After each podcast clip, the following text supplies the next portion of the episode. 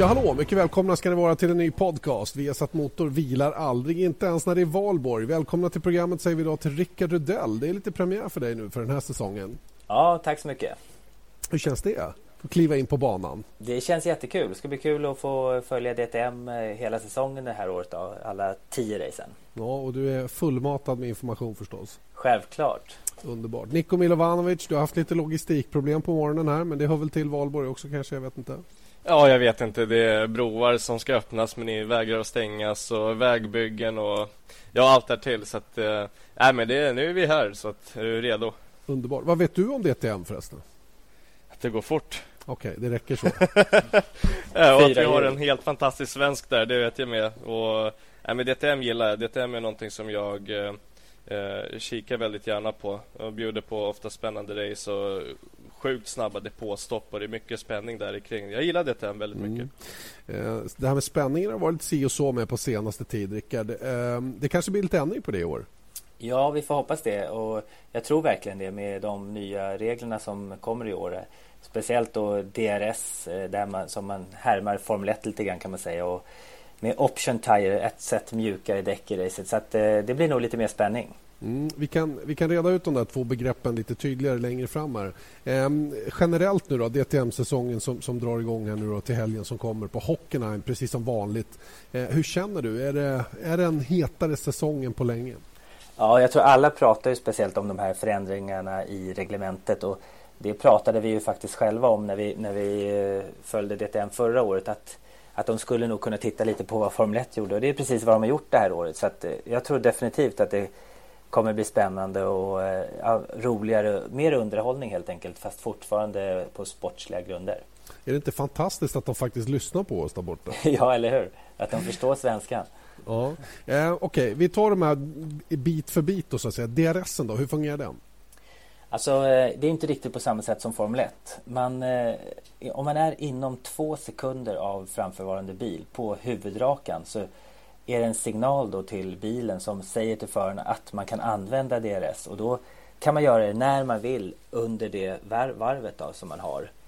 Eh, det, man får inte använda de första tre varven och inte de sista tre varven och inte heller tre varv efter att Safety Car har gått in.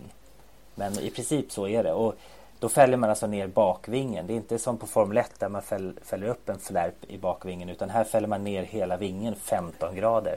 Så mm. det syns riktigt tydligt på vem som använder det och vem som inte använder det.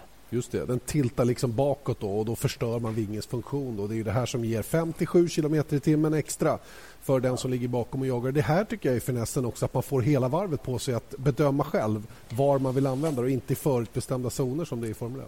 Ja, verkligen. Och om man tänker sig då att det är tre, fyra bilar som ligger efter varandra. Så, som Spielberg eller Red Bull Ring.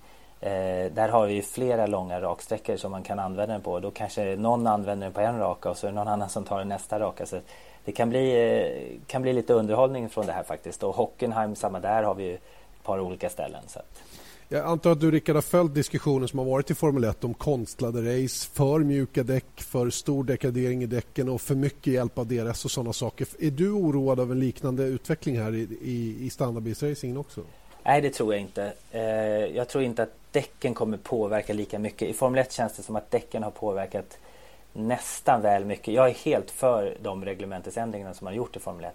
Men det känns som kanske att det har varit nästan på gränsen till att de fått dem att hålla vissa banor, vissa race nu här i början på säsongen. Men jag tror att det där är lite inkörning för Pirelli och alltså att hitta rätt gummiblandningar. De har inte varit med så länge någon säsong men eh, jag tycker ändå att det är på rätt väg och jag tror inte att det kommer vara lika stora problem i DTM.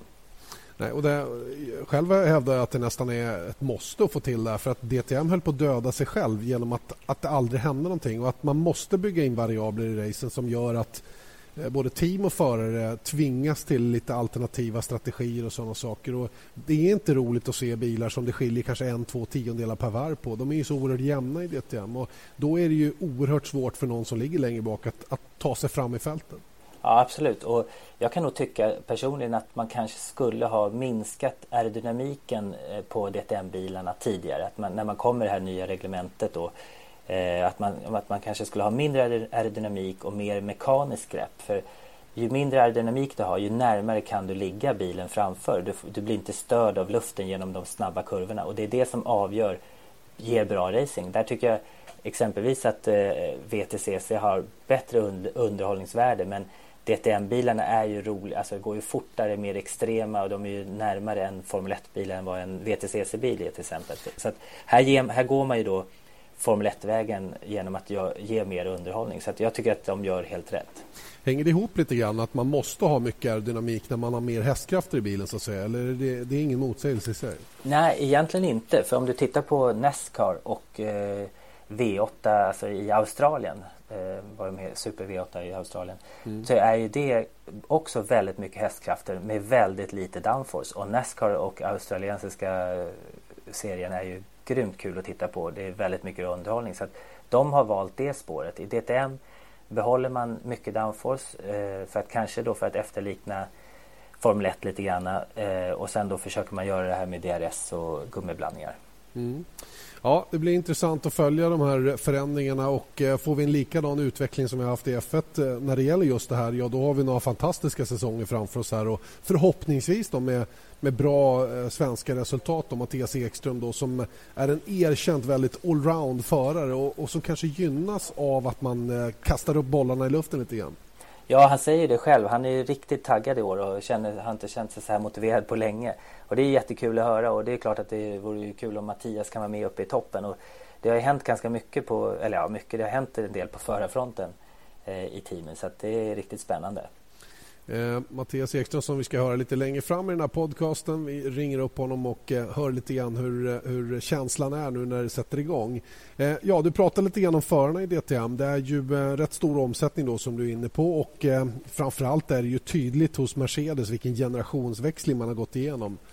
Ja, alltså det är rätt roligt. Jag tror de hade väl kanske tänkt sig att de skulle få behålla Jamie Green. De var väl inte beredda på att han skulle hoppa och byta tillverkare till Audi. Men man har i princip bara Gary Paffett kvar med erfarenhet. Så har man fem juniorer i och med att man har gått ner på sex förare i år. Då. Så att eh, genomsnittsåldern i Mercedes ligger på drygt 23 år. Eh, I Touring Car som är allmänt känd för att ha, ha mer äldre förare än yngre om man jämför med formelbilar. Tittar man på BMW och Audi så ligger då Audi på drygt 28 år och BMW över 30. Så det är rätt stor skillnad där. Mercedes har valt sitt spår verkligen. Mm. Eh, går vi igenom teamen då så har vi ju deras huvudteam då där förstås eh, titelutmanaren då Gary Paffett finns. Eh, han kör tillsammans med Roberto Meri då som kliver upp där nu när Jamie Green har lämnat.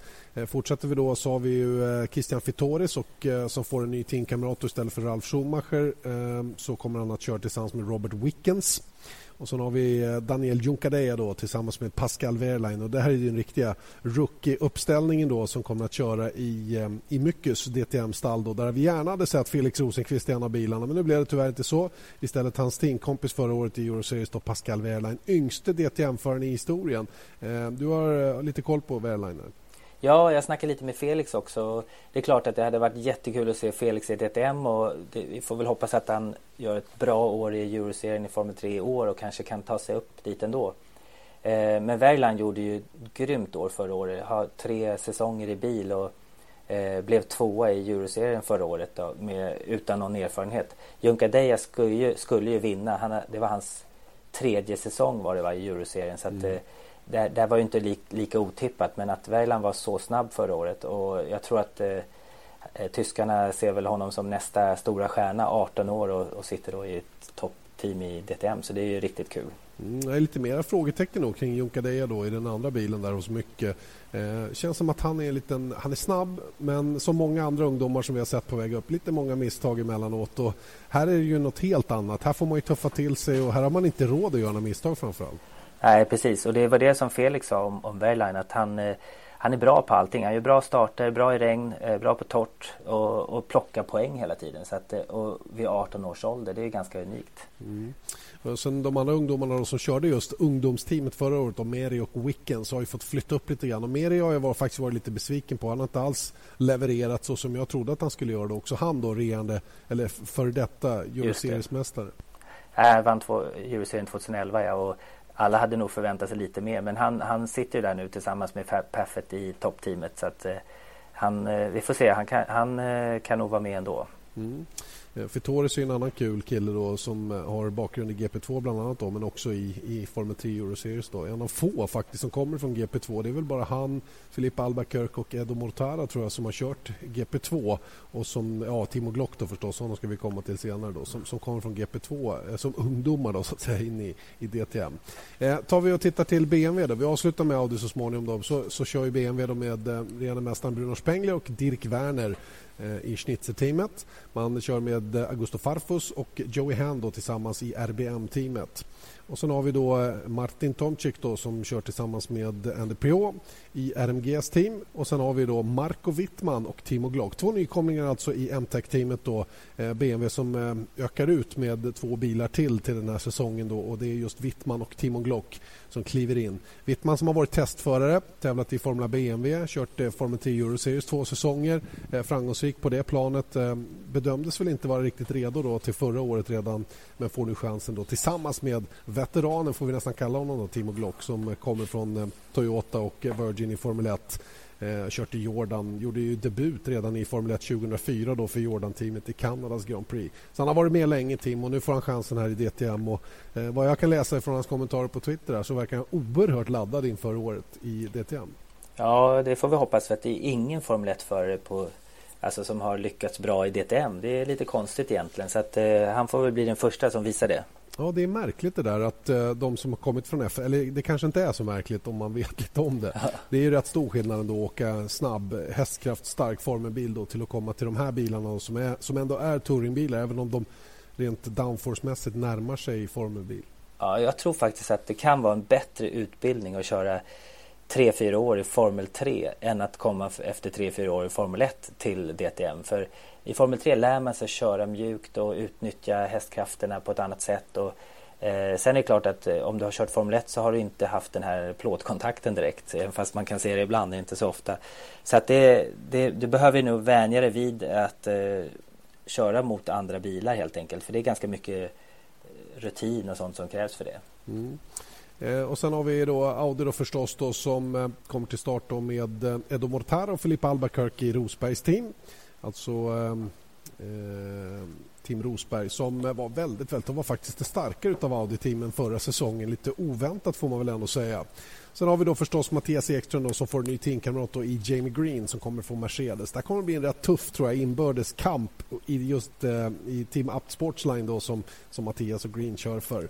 Sen har vi Mike Rockenfeller då, som hänger kvar tillsammans med spanjoren Miguel Molina som definitivt hänger kvar på, lite på gärsken. Men jag tror att eh, Audi ser det som en stor marknad där i i Spanien som man gärna vill åt och därför så är Molina kvar. Sen har vi Scheider och fransmannen Adrian Tambay som eh, kör för det andra apt-teamet som finns. Eh, håller du med dig att, att Ekström och Green det är ju naturligtvis stjärnorna i Audis uppställning då även om de inte eller framförallt inte Ekström då, eftersom han var den enda som körde i Audi förra året, inte riktigt var med och slogs alla längst fram under fjolårssäsongen.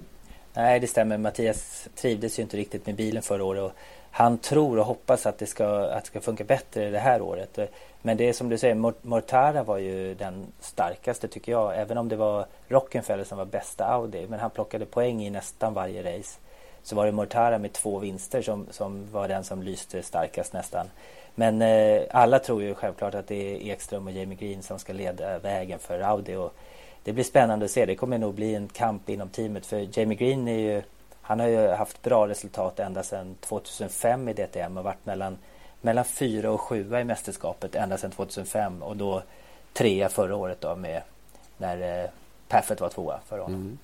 Eh, vi ska som sagt höra Mattias alldeles strax. Här. Han, han, har ju bland annat, eh, kommer att få prata om det själv, men Florian Modlinger är en ny ingenjör som man, som man gör nu. Han har gjort ganska stora förändringar internt hos, runt omkring sig själv. så att säga. Han har tränat lite annorlunda, vet jag.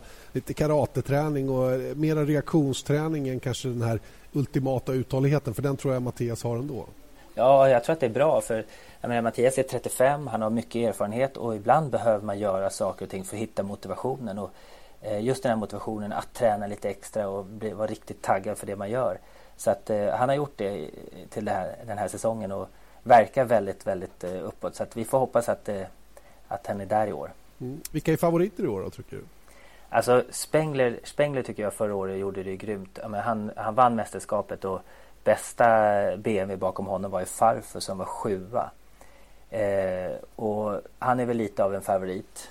Sen Paffet har alltid varit med där uppe, han också. Sen om man tittar teammässigt så i Mercedes så är det spännande tycker jag att se Wehrlein, just den här 18 år. Jag tror att han kan, han kan nog slå till och vara ganska bra han också. Mm. Sen, eh, sen får vi hoppas om att Audin är så pass stark att Mattias och eh, Jamie Green då kanske eh, från Audi som kan visa sig. Mm. Ja, det är väl ungefär det jag tycker också. Det, det, det är ju ganska lätt att tycka de här sakerna eftersom ja. det, är, det är favoritförare. Så det blir ganska tydligt att det är de här man får kika lite på. Men vi ja. hoppas att det kan komma några, några överraskningar också förstås. Då. Eh, vad tror du att det blir för typ av premiär om vädret håller sig någorlunda stabilt? Äh, förra året var ju Paffett som vann och var riktigt stark. Men nu har det ju varit eh, BMW har varit starka på testerna tycker jag och, och Wittman har ju den som varit, eh, varit absolut snabbast både på Barcelona och Hockenheim sista testen. Så det var ju lite en eh, överraskning kanske. Men som sagt på tester vet man inte exakt vad det är de kör och vad de gör och sådana saker. Så att, eh, det är ju först på kvalet som vi kan se exakt hur, hur det står sig mellan, mellan bilarna. Just det. Och då kommer vi tillbaka lite grann till förändringarna i år. Man får alltså inte röra bilarna mellan kval och race eh, som man har kunnat göra. Då har man kunnat bygga en kvalbil och sen bygga en racebil. Nu går man också åt Formel 1-hållet och ställer bilarna i park för mig efter kval. Och, och, det blir ju att kompromissen finns ju redan där för du måste titta på setupen utifrån att du även ska köra en stint på de här mjuka däcken då som, som inte tål någon hård behandling. Ja, och jag tycker det här, jag tycker det här är bra för att det gör att om det är någon som har kanske ställt in bilen lite mer för kval, han kvalar riktigt bra, då kanske det är så att han kör slutdäcken. För har man ställt in en bil för kval så brukar man driva däcken lite hårdare. Eh, och då kan det vara så i racet att eh, hans däck inte håller lika bra och då är det någon annan som har bättre chans efter ett antal varv. Så att allt det här man har gjort och man tittar på med reglementet gör mig för att göra det bättre underhållning och roligare racing. Så det är kul. Ja, det ska bli spännande. Då ska vi se om vi inte ska ta en liten pratstund med Mattias Ekström också. Ja, i år Mattias så kommer ni ju i DTM att köra på de här mjuka och hårda däcken och ni kommer även att köra med DRS. Vad tycker du om de här nya reglerna? Det kommer göra att det blir lite mer eh, möjligheter till omkörningar och olika strategier i racen. Mm. Vi har sett på testerna att Hockenheim någonstans mellan 3 till 5 tiondelar per varv eh, tjänar man på att åka med DRS öppen eller stängd och med optionstecken så kan man åka mellan en och en halv till två sekunder snabbare på det snabbaste varvet. Man kan hålla någonstans mellan 15 och 25 varv beroende på hur mycket slitage det blir på däck. De sista varven med optionstecken kommer vara ungefär lika snabba som nya standarddäck. Jag tror att det här kommer att göra att förarna kommer att ha en större roll i om det går bra eller dåligt? Ja, det är svårt att säga. Jag, menar det, jag tror man får vänta lite med eh, vad som kommer att ske. Jag menar, självklart så kommer de som är duktiga att ta hand om, om de mjuka däcken, eller optionstecken som kallar det, det kommer ju vara en, de största vinnarna i, i tävlingen. Så är det. Sen är det ju alltid bra att stå långt fram i racet, men jag tror det kommer bli lite mer oförutsett uh, mellan kval och race mot vad det varit tidigare. Men i Formel 1 så kan man kvala sjua och vinna racet. Jag tror det kommer att komma till oss också. Hur tror du att de här nya reglerna kommer att passa just dig då? Eh, som det känns efter testerna så passar det bra att få byta från mjuka däck till hårda däck eller från hårda till mjuka. Den omställningen har jag känt har gått väldigt bra så att det kommer att funka. Sen att vara lite strateg i racen, det har jag alltid tyckt varit kul så att eh, utan att ha kört någon tävling så har jag en bra känsla för att eh, jag vet vad jag ska göra. Du går ju nu in på din trettonde DTM-säsong då hela tiden tillsammans med Audi. Hur är det med motivationen och hur känns det inför den här säsongen tycker du? Självklart är det många år, men det känns fortfarande som att det är en av de första när jag åker till första race. Det börjar peta i kroppen och jag är nyfiken på att veta var jag står jämfört med alla andra, hur bilen är och jag menar, alla förberedelser, de är nästan gjort grundligare nu än vad jag gjorde för 13 år sedan. Det är, dels är det för att jag vet mer vad som krävs och mer vad som kommer. Men sen tycker jag fortfarande att det är kul att hålla på och köra racerbil och tävla. Uh, speciellt nu när bil, bilen börjar bli mycket bättre från inställningar så är det fruktansvärt kul fortfarande. Så om jag har den här känslan jag har nu med mycket körglädje i kroppen och en bra bil, ett bra team, en ny ingenjör som är jätteduktig, då kan jag tänka mig hålla på uh, några år till. Utan problem. Har du förberett dig på något annat sätt? Vi har ju pratat tidigare i podden här om att du eh, tränar karate bland annat. Eh, har, har det hjälpt nu när du även har kört testerna? Jag har ju tränat eh, väldigt annorlunda träning, inte så mycket uthållighetsträning som jag har gjort genom åren. Utan uthållighetsträning har kommit nat mer naturligt. Jag har gjort andra typer av övningar och sånt där. Som det känns nu så har det varit helt... Från testen jag har kört så känns det också väldigt bra. Men det är som allting, träning är färskvara och måste fortsätta träna så eh, även under året lite grann. Och så får man se vart, eh, vad som händer. Men den magkänslan eh, som har varit under testen och den, hur kroppen har känts då så har allt funkat som förväntat. Det så att jag mer, mera muskler och jag menar jag, jag är tyngre än vad jag någonsin har varit i mitt liv muskelmässigt sett. Jag, jag ställde mig på vågen idag med, med hjälmen och allting och jag väger prick 85 kilo. Det är maxvikten med hjälm, skor och allting som vi har så att eh, jag vet att jag aldrig varit så här tung i hela mitt liv, om vi säger rent muskelmässigt sett. Det finns ju en hel del nya serie, eh, förare i serien också. Bland annat kom ju Timo Glock då ifrån Formel 1. Vad tror du? Eh, så har han sett farlig ut? Blir han farlig för, för mästerskapssegern till och med? Jag skulle inte satsa mina egna pengar på att han kör om, om mästerskapet. Eh, jag tror att han kommer säkert vara med i toppen och vinna någon tävling och så, men han kommer ha några dippar som gör att han inte kommer att vara en kandidat för mästerskapet. Hos BMW har de nu Spengler och Tomczyk och några andra som är större kandidater för mästerskapet kan jag tycka. Men som sagt, jag har också lärt mig att det är ingen idé att döma ut någon i förväg, men jag skulle inte satsa mina pengar på honom. Vilka förare ser du annars som dina största hot till titeln 2013? Som jag sa, Spengler och BMW var de som var bäst i fjol. Efter reglerna är frysta så kommer han bli sett som favoriten, självklart. Men sen är det ju så, så Audi så är det sju stycken förare som är väldigt duktiga. BMW har sju förutom Spengler och Merca har sex. Så att det finns många som kan vinna och i en tävling tror jag alla i hela fältet kan vinna. Men mästerskapskandidater um, tror jag fortfarande att det är sex, sju, åtta stycken som är kapabla av till det. Men som sagt, vänta ett eller två race så kan jag berätta för er vilka det är. För det handlar väldigt mycket om hur, hur alla eh, kan ta hand om de nuvarande reglerna och alla nyheter. Ja, sen har vi då 18-åringen Pascal Werner då, yngste DTM-föraren i historien att eh, kliva in. Hur tror du att det kommer att gå för honom? Har du sett någonting? Eh, han har varit snabb på testerna och jag, jag, jag har sett honom. Jag menar självklart eh, så är det kul att de satsar på ungdomen. Jag menar jag jag tillhör ju det äldre gardet i DTM och de uh, yngre grabbarna ska också få sina chanser och sina platser självklart. Så jag tycker det är kul att Merca satsar på, på ung, frisk uh, eh, nation med perfekt erfarenhet. Men hur han kommer att stå sig, ingen aning. Jag låter mig överraskas. Och sen har du ju en ny teamkamrat då i form av Jamie Green och i en intervju som vår producent Erik Stenborg gjorde med dig för ett par år sedan sa du att han kan köra bra om gräset är tillräckligt grönt och månen och solen står rätt och han har medvind. Står du fast vid det fortfarande? Säger så här, det är väl några år sedan, så han, har, han kanske läste den intervjun, eh, hörde den intervjun.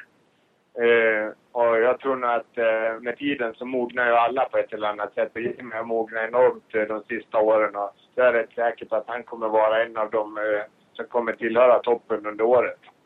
Ja, du har ju också skaffat dig en ny racingingenjör då en av flera förändringar du gör inom teamet, Florian Mådlinger. Hur är det att jobba med honom? Han är väldigt teknisk eh, duktiga och mycket erfarenhet av aerodynamik. Och jag har också fått ett stort intresse genom åren av bilteknik och det gör att det är väldigt spännande att jobba med han för jag lär mig någonting nytt varje dag.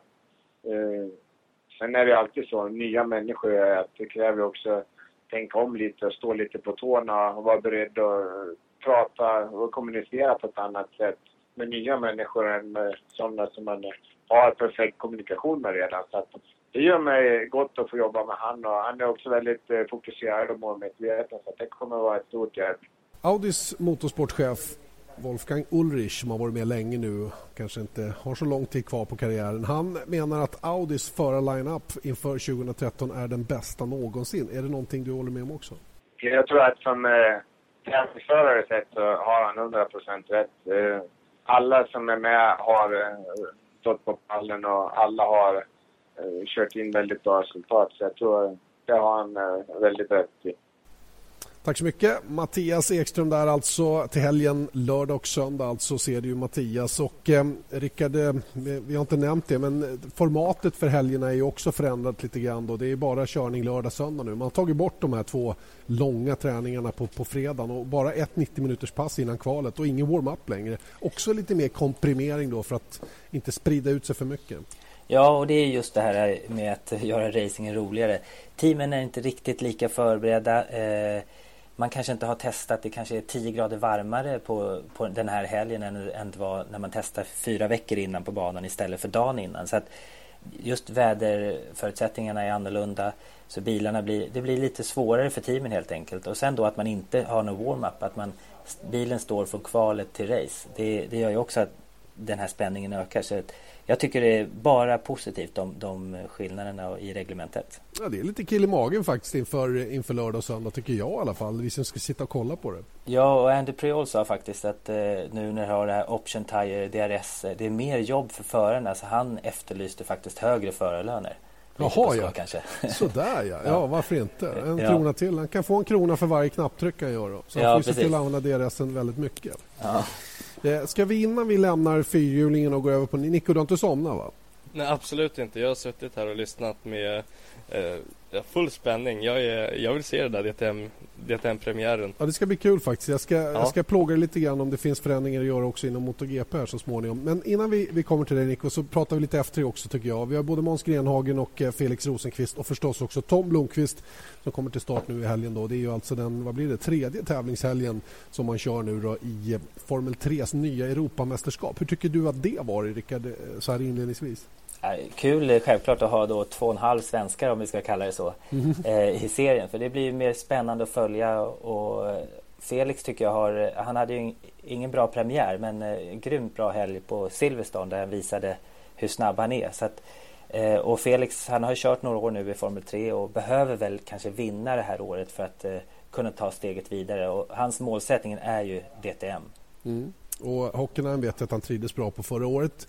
Han kvalade bra, startade bra precis som vanligt. Nu räckte inte farten det och, eh, förra säsongen just på Hockenheim riktigt hela vägen fram.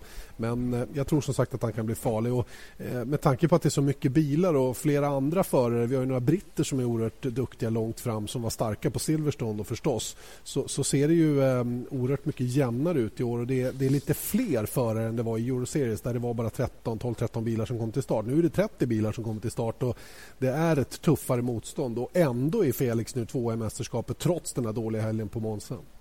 Ja, alltså det är så. Silverstone-helgen, det regnade av vartannat och eh, det var ju spännande race att titta på tycker jag. Så att, eh, får vi hoppas att på en liknande helg, om det kanske är lite bättre väder i Hockenheim i och för sig. Och att han har koll på, på omstarterna va? Ja, det är bra att veta vad som gäller med Safety Car-linjer och sånt. Vi har häcklat Felix ordentligt för det där, men det tål han faktiskt. Han är en tuffing Felix, att han, han pallar om vi är lite taskiga. Han missade alltså en av starterna där. Han trodde det var först körning om det när man kom ut på start och mål. Men det är ju en säkerhetsbilslinje direkt efter infarten till depån. Och det är därifrån racet startar om när säkerhetsbilen var ute.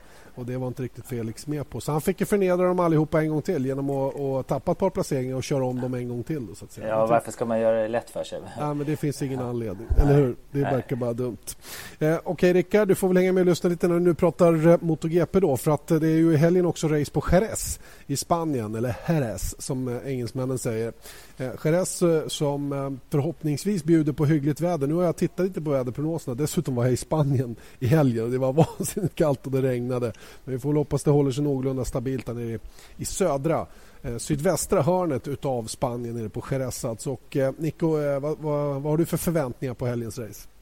Ja, de är helt enorma med, med tanke på hur eh, premiären och eh, eh, det andra racet på Austin har varit så eh, kan ju inte förväntningarna vara något annat än skyhöga.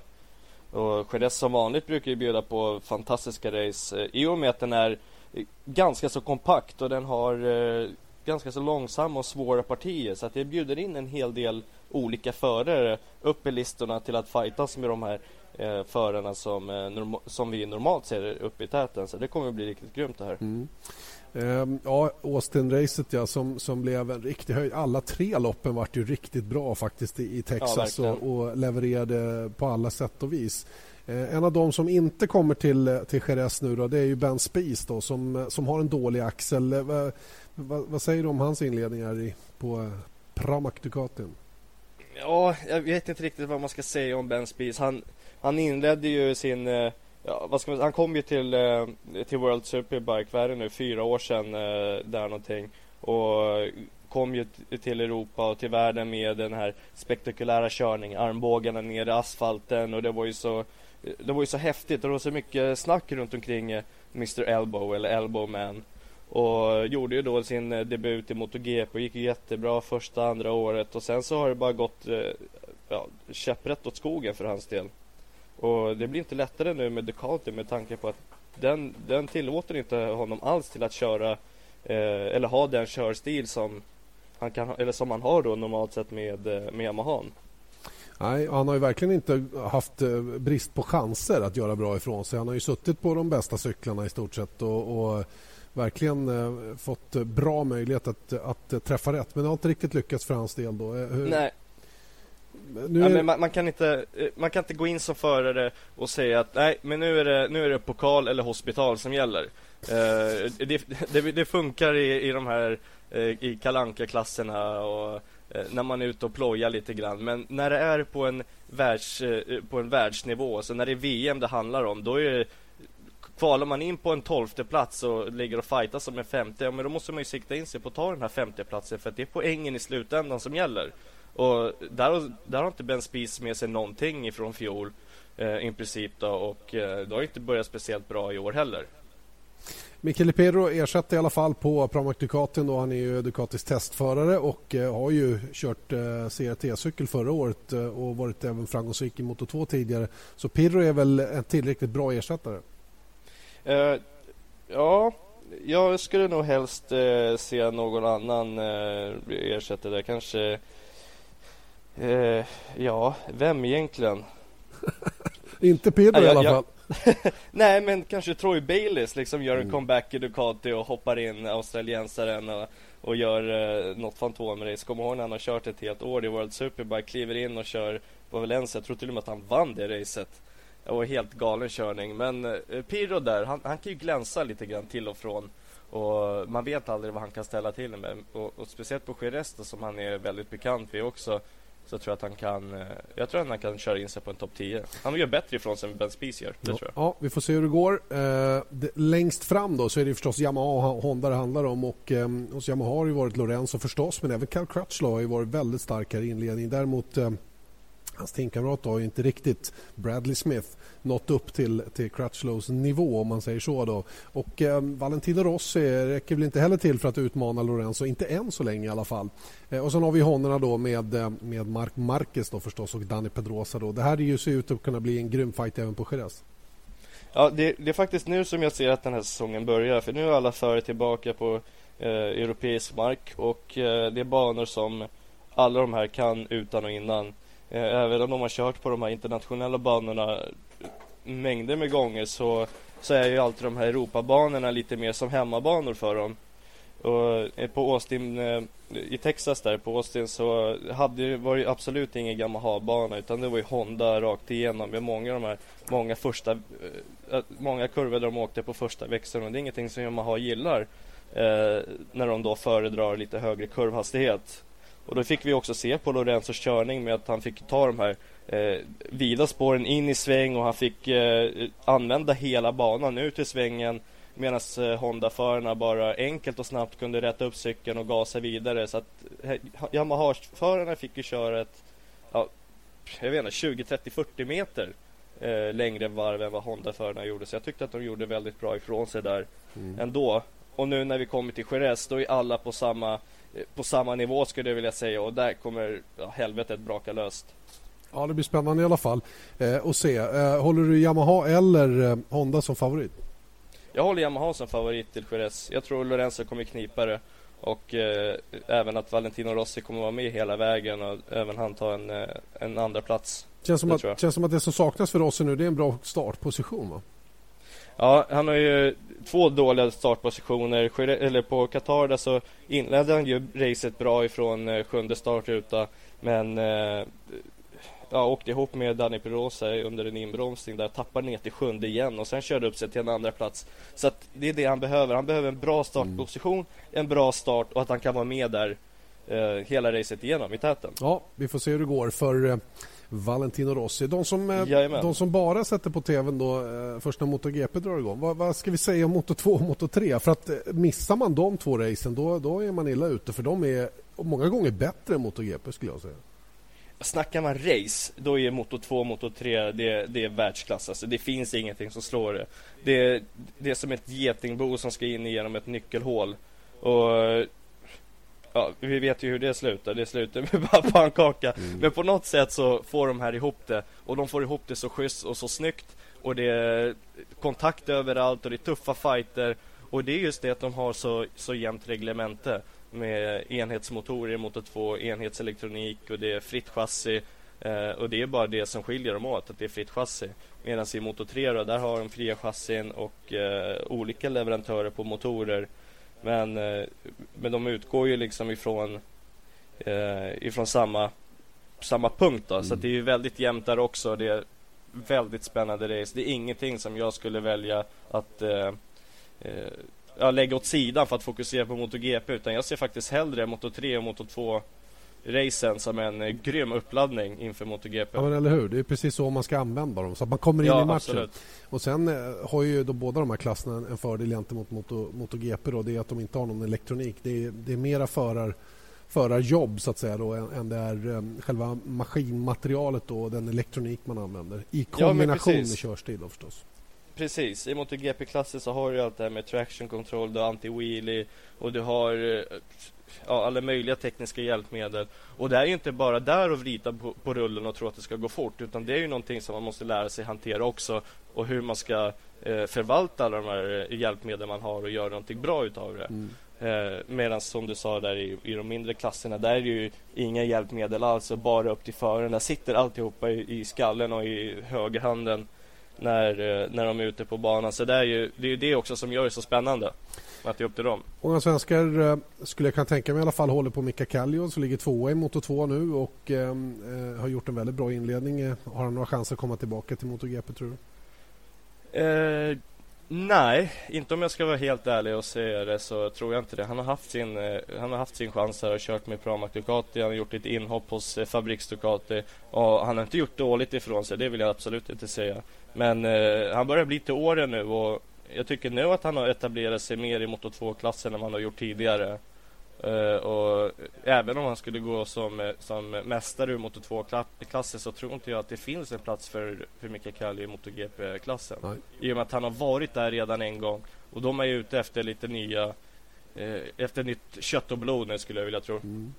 Eh, på hemmaplan då, den generella svenska återväxten. Eh, Alexander Lund vet jag kraschade senast och, och slog av nyckelbenet och ja. eller, gjorde, illa, gjorde illa sig i axeln i alla fall. Filip Backlund har också varit kull lite grann i det brittiska mästerskapet där han kör. Och, men där går det ju å andra sidan bra. Det, det är ju inga purunga pojkar någon av de här. Hur är det med de unga lovande talangerna i svensk roadracing? Eh, det kommer ju mer och mer. Det är svårt att säga nu när de är så pass unga med 15-16 år och kan inte träna lika mycket som eh, de eh, sydeuropeiska förarna kan göra med att vara på banan i stort sett dygnet runt och bara köra varv på varv på varv och testa, testa, testa. Och det finns inte heller den ekonomin i Sverige tyvärr för att de ska kunna få möjligheten till att komma ut och göra det här. Men eh, det är ju några på gång. Jag hoppas att det ska kunna komma någonting in i Moto 3 eller Moto 2-klassen så småningom. Och den som är närmst skulle jag vilja säga det är väl Filip Backlund som jag hoppas kan eh, få en styrning eh, i Moto 2-klassen här så småningom. Han var grymt nära redan i år faktiskt men eh, det föll lite grann på slantarna. Alright, vi får se hur det går. Eh, Jerez i helgen alltså, fredag, lördag, söndag. Missa inte det. Eh, tiderna hittar ni på våra sajter och tablåer. Eh, Viasat.se sport brukar ha bra tablåer för att se vad som gäller tidsmässigt. Vill också nämna speedwayen förstås som körs i Göteborg på Nya Ullevi. Speedwayens Grand Prix alltså. Eh, och ehm, det är Linus Sundström som blir svensk wildcard på, på Ullevi. Och vi får väl hoppas att svenskarna då generellt gör bättre ifrån sig vad man gjorde i Bydgårds senast då där man eh, halkade väldigt långt efter poängmässigt. Nascar också förstås på den supersnabba Talladega 18.00 på söndag. Eh, ska ni heller inte missa då första F3-racet på Hockenheim ser ni med start klockan 11.00 då på lördag. Och sen är det ju då förstås eh, DTM-kval då klockan 2 och DTM-race-start klockan 2 på söndagen. Så kvalet på lördagen och eh, race på söndag, båda sakerna i TV10. Eh, Rickard Rydell sitter kvar och lyssnar. Var du, har du sett någon MotoGP-race? Ja, absolut. Och, eh, alltså, jag är grymt imponerad av de här killarna. Ända sedan jag såg Kevin Schwans runt eh, Macau för många år sedan när han körde där. Det var kul att se, verkligen häftigt. Och det som är kul med MotoGP är att de har ju faktiskt ingen downforce. Så att racingen blir grymt bra med slipstream på rakerna och det är det som gör att det är underhållning att kolla på. Mm.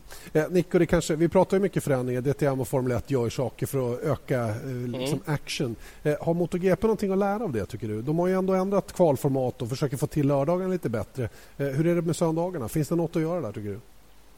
Uh, nej, jag skulle faktiskt, uh, nu med DTM här att de har tagit bort uh, warm-upen, det är någonting som jag skulle faktiskt vilja se i MotoGP-klassen också. Att de efter kval låser in cyklarna, de får, de får genomgå en service liksom, men inte, inte mer än så utan allting ska vara eh, färdigt då efter kval och redo för race.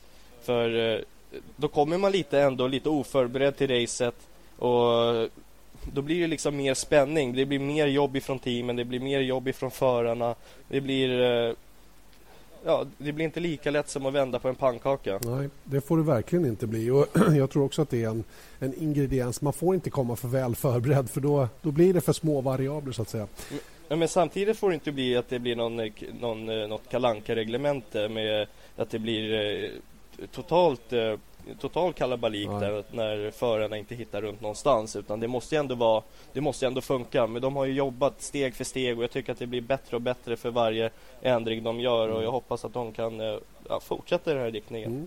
Återstår att se vad racet på Jerez har att erbjuda. Sydspanien som gäller alltså för MotoGP då den här helgen. Rickard, vi ska också nämna att det görs ett tv-program om din fantastiska karriär. Hur, hur känns det?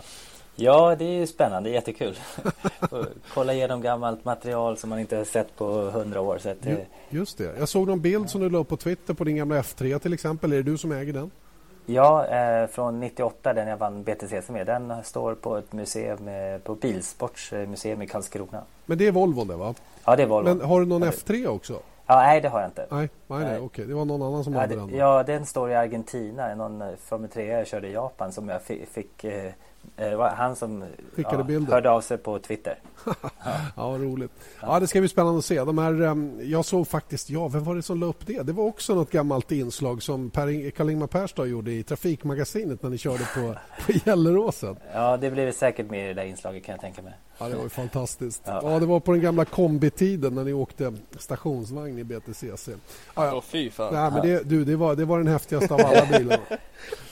Hörrni, ja, kul att snacka med er. Eh, vi tar väl och firar valborg nu. Ni, ni, vet att jag bor i Uppsala och eh, programmet spelas alltså in här på valborgs mässoafton. Och eh, i, i, Uppsala då ser man ju till att ha ungefär två promille på valborg. Det är, liksom, ja. det, det, är generellt. Det är tradition. Dock gäller det inte mig för jag ska till Malmö. Imorgon ska jag köra en Ferrari F12 Berlinetta. Det är ni. Stackars dig. Mm. Men någon måste göra skitjobben. Ja. Så är det. Visst är det så. Tack så mycket hörni. Vi är tillbaka. Missa inte alla heta eh, tävlingar som vi visar under helgen på våra kanaler och så, så får ni en ny podcast om veckan. Tack så länge. Säger nu Janne Blomqvist, Rickard Rudell och Niko Milovanovic.